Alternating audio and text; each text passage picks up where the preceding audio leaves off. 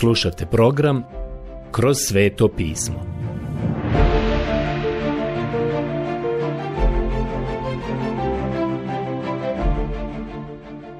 Knjiga Izlazak Odlomak Izlazak Poglavlje 3 od 8. stiha do poglavlja 4 5. stiha Zadnji put smo stali u knjizi izlaska kada se Bog ukazao Mojsiju kod gorućeg grma a vjerujemo da je taj gorući grm predstavljao izraelsku naciju. je se okrenuo da vidi zašto grm gori, a ne izgara. Zapravo, jedan od najvećih dokaza autentičnosti i istinitosti Božje riječi danas je postojanje izraelskog naroda. Bilo je to prije mnogo godina kada je njemački car, mislim da je to bio Fridrih Veliki, upitao svog kapelana jednog dana kada nisu imali mnogo obaveza postavio je sljedeće pitanje. Koji je najveći dokaz da je Biblija Božja riječ? Ali taj dokaz ćeš morati pronaći u mom kraljevstvu. Šta bi to bilo? I bez trenutka oklijevanja kapelan je rekao Hebrej gospodine, on je dokaz. On je taj gorući grm koji bi trebao navesti nevjernika da se okrene i pogleda u njega. Nevjerovatno je da je postojao ovdje tokom vijekova. On je postojao oko 3500 godina, od Mojsijevih dana pa sve do danas. Drugi narodi su dolazili i odlazili, a on je prisustvovao sahranama svih njih i još uvijek je tu. Tako se Mojsije okrenuo i Bog mu je progovorio iz gorućeg grma. Morao je korigovati Mojsijevo ponašanje. Iako je doveden na faraonov dvor, nije znao da treba da skine cipele u prisutnosti svetog Boga. I bojim se da se i danas jako puno ljudi tako pokušava upoznati sa Bogom. Danas imamo novi pristup. Moramo se naučiti identificirati s ovim dobom i usvojiti taj novi vokabular. Želim reći da je to apsolutna besmislica. Jedan od hipika mi je došao dole na Floridi. Zapravo, bila je to jedna slatka djevojčica – bila je lijepa. Imala je puno nakita napravljenog od perli, neku torbu i neobičan ogrtač. Nekoliko njih je dolazilo na službu svake večeri, a ona mi je prišla i rekla sljedeće. Hej, ti komuniciraš. Želim reći da ne morate usvajati njihov žargonski govor i njihov vokabular. Možete komunicirati. Možete se identifikovati sa njima tako što ćete zauzeti svoje mjesto grešnika uz njih. Oni su grešnici i mi smo grešnici. I jedni i drugi trebamo spasitelja.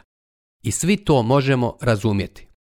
Danas je savršena besmislica, a mi imamo neke sluge Božje koji se pokušavaju potpuno identifikovati i rade neke čudne stvari kako bi to postigli, ali očigledno ne dopiru do drugih ljudi sa porukom. Vjerujem da se poruka može prenijeti i bez prihvatanja nepotrebnih stvari samo radi pokušaja identifikacije sa nekim drugim. Vidimo ovdje da je Bog sišao da oslobodi Izraelce. On veoma jasno daje do znanja Mojsiju šta će učiniti i da je on sveti Bog. A kad mu vi i ja priđemo, ne prilazimo mu na takav način da kažemo Zdravo kolega šta ima? Mi ga ne tapšemo po ramenu, to nije način na koji se pristupa Bogu. Kada bi gospod Isus došao tamo gdje ste sada vi ili ovdje gdje sam sada ja, o kad bi došao proslavljeni Krist, mi bismo pali ničice pred njim. Bez obzira na to ko ste vi, znam da biste pali ničice pred njim. Svako koljeno će se jednog dana pokloniti pred njim. Molim vas, zapazite šta nam je ovdje rečeno. Bog je rekao Mojsiju, Vidio sam nevolju, čuo sam njihov vapaj i sada sam sišao da ih izbavim. Čitamo u osmom stihu.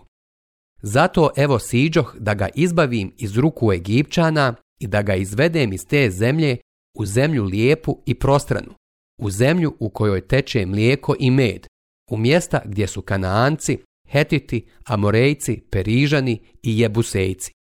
Knjiga izlaska 3, Božje otkupljenje uvijek uključuje iz i u.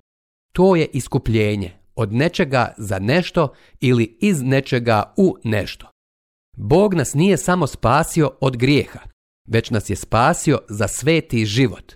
Mislim da je on to veoma jasno predstavio. Obratite pažnju na ono što Pavle kaže u drugom poglavlju poslanice Efežanima u petom stihu. On kaže oživje s Kristom nas koji smo bili mrtvi zbog grijeha. Milošću ste spašeni. Kao što vidite, to je iz Egipta. S njime nas uskrisi i posadi na nebesima u Kristu Isusu. On nas je podigao iz mrtvih i dao nam položaj u Kristu. Ako ste danas spašeni, potpuno ste spašeni. I danas ste onoliko spašeni koliko ćete biti milion godina od danas jer ste u Kristu. Izvedeni ste iz Adama i stavljeni u Krista. Izvučeni ste iz smrti i stavljeni u život. Izvučeni ste iz tame i uvedeni u svjetlo. Izvedeni ste iz pakla i stavljeni u raj. To je iskupljenje. To je iz nečega u nešto. Bog ovdje sada kaže sljedeće. Ja ću uzeti i izvesti djecu Izraelovu iz Egipta, ali neću ih samo izvesti, nego ću ih i odvesti u dobru zemlju. To je spasenje Božje, to je iskupljenje. Poslušajte sada šta piše od 9. do 11. stiha. Dosta tužba Izraelovih sinova dopre do mene i ja vidim kako ih teško muče Egipćani. Zato sad idi, šaljem te k faraonu, izvedi moj narod Izraelove sinove iz Egipta. Tada upita Mojsije Boga. Kako? Zar ja da idem faraonu, da izvedem Izraelove sinove iz Egipta? Knjiga izlaska 3, 9 do 11. Primjećujete li sada šta se dogodilo ovom čovjeku Mojsiju? 40 godina prije toga bio je spreman da izbavi svoje sunarodnike iz egipatskog robstva, ali na pogrešan način. Tada je bio nasilan i drzak, gotovo arogantan. Sjećate se, otišao je da ih obiđe, Ubio je jednog Egipćanina i izbavio jednog od svoje braće, jer je mislio da će razumjeti. Pogledao je desno i lijevo, ali nije podigao pogled ka gore. Mislio je da to može učiniti sam. Nakon toga ga je Bog pripremao 40 godina na drugoj strani pustinje i on je uvidio koliko je zapravo slab. Naučio je da to ne može učiniti sam. I sada on govori, ko sam ja? Ja to ne mogu prijatelji. Zapravo ga tek sada Bog može koristiti. To je način na koji Bog mora obučavati sve svoje ljude. Da li ste ikada primijetili da on radi upravo to? Bog je morao uzeti jednog dječaka poput Davida koji je čak mogao ubiti diva, ali bez obzira na to, Bog ga je stavio u situaciju da se potuca bježeći po raznim pećinama i jazbinama, a lovili su ga kao jarebicu i otkrio je koliko je slab. Tek nakon toga ga je Bog mogao učiniti kraljem. Bog je uzeo Iliju, proroka, koji je čak mogao ući u dvor kralja Ahaba i kraljice Izebele i reći, neće padati kiša jer ja tako kažem. A onda je rekao, ja nisam u stanju bilo šta reći. Ubrzo se samo povukao. Pomislili biste da je bio prilično veliki i hrabar čovjek, ali zapravo nije bio. Bog ga je poslao u pustinju. Tamo Bog obučava, trenira i priprema svoje ljude. I tamo u toj pustinji bila je suša. I on je tamo svaki dan gledao u taj mali potok koji je presušivao.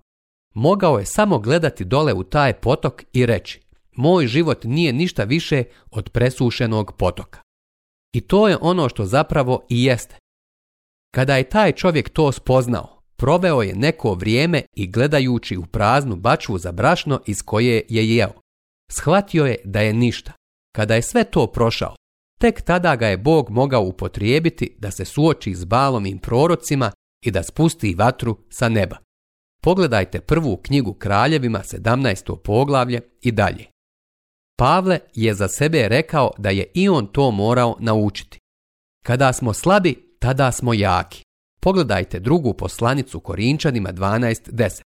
To je svakako paradoks. Ali to je ono što je Bog učinio za Mojsija. Tek sada se Mojsije može koristiti.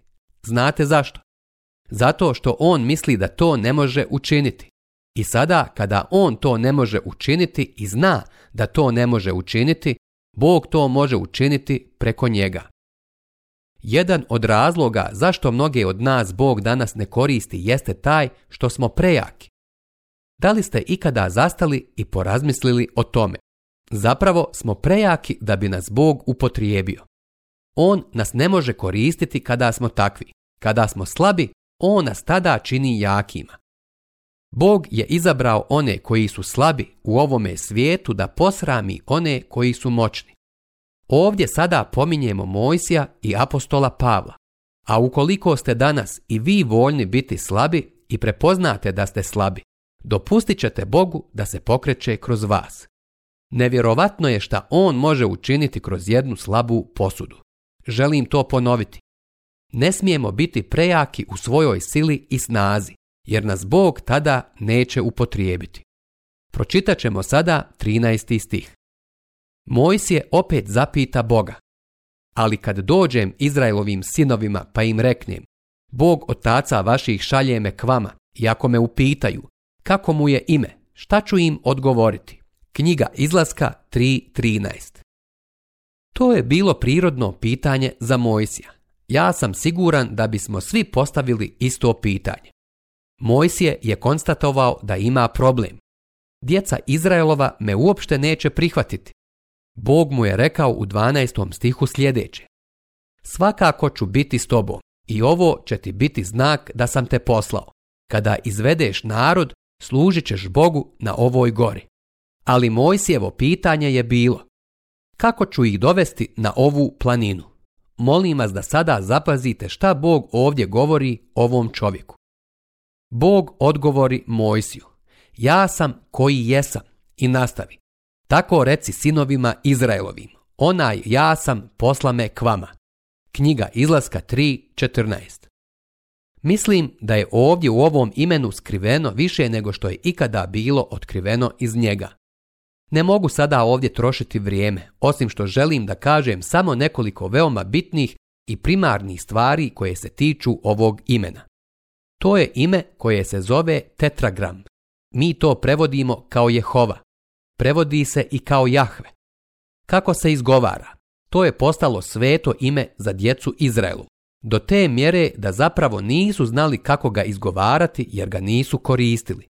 Da li vi kažete Jehova ili kažete Jahve? Iskreno, ne znam šta vi kažete, a ja nisam sreo nikoga ko bi mi pouzdano mogao reći šta da kažem. Ovo je ime po kome Bog treba biti poznat. U knjizi Postanka on je stvoritelj, on je Elohim. Tada je sebe nazvao moćnim bogom, ali ovdje je on samo postojeći. Ja sam onaj koji jesam. Moglo bi se i tako prevesti. Tako reci sinovima Izraelovim, onaj ja sam posla me k vama. Onaj koji postoji me je poslao, onaj jedan. U psalmu 135.13 Bog kaže sljedeće. Gospode, Tvoje je ime vječno, gospode, tvoje spomen od koljena do koljena. To je ime koje vidimo ovdje. Ja sam koji jesam, samo postojeći. Ono što je za nas važno da vidimo jeste da je ovo ime koje govori o činjenici da Bog jeste, da Bog postoji. Dozvolite mi da pročitam četvrti stih u 50. poglavlju knjige proroka Izaije. Svemogući gospodin dao mi je jezik učenika, da navješćujem, da nagovorom krijepim umorni. On budi svako jutro, budi mi uho da slušam kao učenik. Gospod Bog, onaj koji postoji, onaj koji je stvoritelj, onaj koji je spasitelj. Ovo je onaj za koga vjerujem da je niko drugi nego gospod Isus Krist. Ovo je ono što Mojsije treba reći djeci Izraela. Bog šalje Mojsija. Molim vas da sada obratite pažnju na 15. stih. Dalje reče Bog Mojsiju. Tako javi Izraelovim sinovima. Gospodin, Bog otaca vaših, Bog Abrahamov, Izakov i Jakovljev, posla me k vama. To je moje ime navijek i tako me se ima zvati od koljena do koljena. Knjiga izlaska 3.15 to je Bog koji se ukazao Abrahamu, Izaku i Jakovu. Ovo je procedura koju Mojsije treba pratiti. Čitamo sada od 16. do 20. stiha. Idi i sakupi starješine Izraelovih sinova i reci im, Gospodin, Bog vaših otaca, Bog Abrahamov, Izakov i Jakovljev, javi mi se i reče, dobro pripazih na vas i na to što vam se zbivalo u Egiptu i odlučih, Izvest ću vas iz nevolje u Egiptu u zemlju Kananaca, Hetita, Amorejaca, Perižana, Hivijaca i Jebusejaca, u zemlju u kojoj teče mlijeko i med. Ako te poslušaju, onda idi sa starješinama Izraelovih sinova egipatskom kralju. Recite mu, gospodin, Bog Hebreja, objavi nam se. Mi moramo odmah tri dana hoda daleko poći u pustinju da žrtvujemo gospodinu, Bogu svojemu. A ja znam da vas egipatski kralj neće pustiti da idete ako na to ne bude silom prisiljen. Ali ja ću pružiti svoju ruku i pohodit ću Egipat svim svojim čudesima što ću ih učiniti u njemu i poslije će vas pustiti. Knjiga izlaska 3, 16 do 20. Ovdje se radi o tome da Bog Mojsiju daje plan. Ovo je procedura on treba otići i pozvati starješine sinova Izraelovih i dati im do znanja da ih je Bog pozvao i da je sada sišao da ih izbavi. Zatim, sa starješinama prvo treba otići do faraona i svemu to nježno prenijeti. je ne treba da kaže mi sada idemo nazad u zemlju Kanan, ostavljamo te zauvijek. Ne, on treba da kaže mi samo želimo otići tri dana u pustinju da prinesemo žrtvu našem Bogu. Bog unaprijed govori Mojsiju da faraon to neće dopustiti. Bog zatim kaže da će to pokrenuti kampanju koju će on voditi protiv bogova Egipta. Čak i nakon te kampanje, iako će pokazati silna čuda, Bog kaže Mojsiju da ih faraon ipak neće pustiti. Ali konačno će učiniti jedno čudo i donijeti jednu veliku nevolju zbog koje će ih faraon na kraju ipak pustiti. I Bog kaže, sada sam sišao da vas izbavim i to će biti tako. Kada dođemo do egipatskih pošasti, vidjet ćemo da je to zapravo bila bitka bogova. Mislim da je ovo jedna od najznamenitijih stvari, ali imamo toliko prekrasnih stvari koje se nalaze u knjizi izlaska, pa mi dopustite da nastavim dalje. Nakon toga Bog je rekao, Faraon će te pustiti. Čitamo sada 21. i 22. stih. Učinit ću da taj narod nađe milost u Egipćana. Kad pođete, nećete otići praznih ruku. Žene će naime izmoliti od svojih susjeda i domaćica. Zapazite sada tu riječ izmoliti. To ne znači ukrasti. Ono što zapravo znači jeste da su uzeli zaostalu platu. Vidite, oni su bili robovi, nisu bili plaćeni. Sada im Bog kaže da će naplatiti svoje zaostale plate i to je ono što oni trebaju učiniti. Srebrnih i zlatnih dragocjenosti i haljina. To ćete staviti na svoje sinove i kćeri i tako od Egipćana uzeti plijen. Knjiga izlaska 3, 22. Samo razmislite o tome.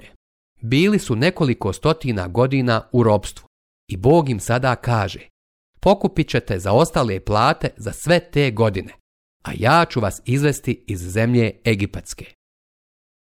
Četvrto poglavlje. Mojsije se protivi tome da je on Božiji izbavitelj Izraela. Ovo nas dovodi do četvrtog poglavlja. Mi smo vidjeli Mojsijev povratak u Egipat i najavu izbavljenja Izraela. Ali Mojsije, on ima jako puno prepreka koje treba savladati i jako puno pitanja u svome umu. Zapazite sada. Moj je odvrati. Ali ako mi ne budu vjerovali i ako me ne poslušaju, nego reknu, nije ti se gospodin objavio.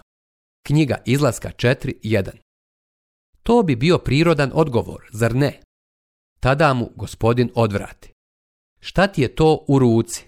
Odgovori, štap taj će štap postati znak autoriteta za Mojsija jer će ga koristiti na mnogo različitih načina. Ali sada, evo prvog znaka. I on zapovjedi. Baci ga na zemlju. Baci ga na zemlju, a on posta zmija. A Mojsije pobježe od nje. Knjiga izlaska 4, 2 do 3. Mislim da je to bilo opako čudovište. Ono u šta treba biti siguran jeste da u tom štapu uopšte nema sile, Mogao bi biti i sotonin instrument. Mogao bi biti sotonski. Sve se može koristiti za sotonu ili za Boga. Ali mi naravno težimo da se koristi za Boga. To je kao da u džepu imate novčanicu. Onda izvadite tu novčanicu da nešto platite. Ta novčanica se može iskoristiti za plaćanje ubijstva. Može se koristiti za plaćanje prostitutki. Može se koristiti za kockanje može se koristiti za alkohol i druge poroke. Prijatelji, drugim riječima, ta novčanica može postati zmija. Tek kada se stavi u ruke Božijeg čovjeka koga vodi Božja ruka, tada se i ta novčanica može koristiti za Boga. Ovo je veoma značajna lekcija koju nam Bog ovdje daje. I gospodin zapovijedi Mojsiju. Pruži ruku svoju i primije za rep. On pruži ruku i uhvati je ona opet posta štap u njegovoj ruci. Tako moraju vjerovati da ti se je objavio gospodin, Bog njihovih otaca, Bog Abrahamov, Izakov i Jakovljev. Knjiga izlaska 4, 4 do 5. Mnogo ljudi mi kaže, šta je sa televizijom? Ona je od đavola. Da li se sjećate da su prije mnogo godina za automobil govorili od đavole? I za radio su govorili da je od đavola. Naravno, đavo to može iskoristiti. On koristi sve te instrumente. Naravno, radio može biti od đavola. Može se koristiti od đavola, ali prijatelji, zgrabite tu zmiju za rep i pomozite da radio program kroz Bibliju ostane u eteru. Neka to danas bude štap u ruci Božjoj. Pomalo sam umoran od tih mnogih super pobožnih ljudi koji govore to je od đavola. Oni nikad ne daju ni novčića da se ti kršćanski radio programi održe u eteru. Nikada ne pokušavaju prenijeti kršćansku poruku preko TV-a, a nikada ne koriste svoje automobile da dovedu nekog dragog vjernika u crkvu. Mogu vam reći, uhvatite staru zmiju za rep i upotrijebite je danas za Boga. Moramo to učiniti. Bog sada ne podučava Mojsija ovim velikim duhovnim lekcijama vidjet ćemo još nešto. Bog kaže da će ta palica u Mojsjevoj ruci postati instrument koji će uvjeriti druge starješine. Bog mu još kaže, i to nije sve. Imam još jednu lekciju za tebe. To ćemo ostaviti za sljedeći put. Ali to nije sve ono o čemu ćemo govoriti sljedeći put. Prije nekog vremena sam spominjao Mojsjev bračni život i njegovu ženu. Postavio sam neka pitanja i sljedeći put ćemo se pozabaviti time. Vidjet ćemo šta se zapravo dešavalo u Mojsijevom bračnom životu.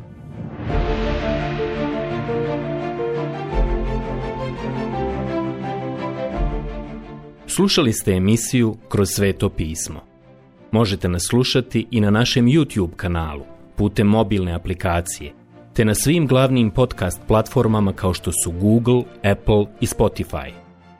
Ako vam se naši programi dopadaju, preporučite ih i podijelite s drugima. Budite slobodni da ostavite svoj komentar ili nam pišite na našu e-mail adresu kroz svetopismo.bih at gmail.com Zapratite našu stranicu kroz sveto pismo BiH na Facebooku i na Instagramu. Emisije iz ove serije možete pronaći na našoj stranici ttb.com t duplove r.org.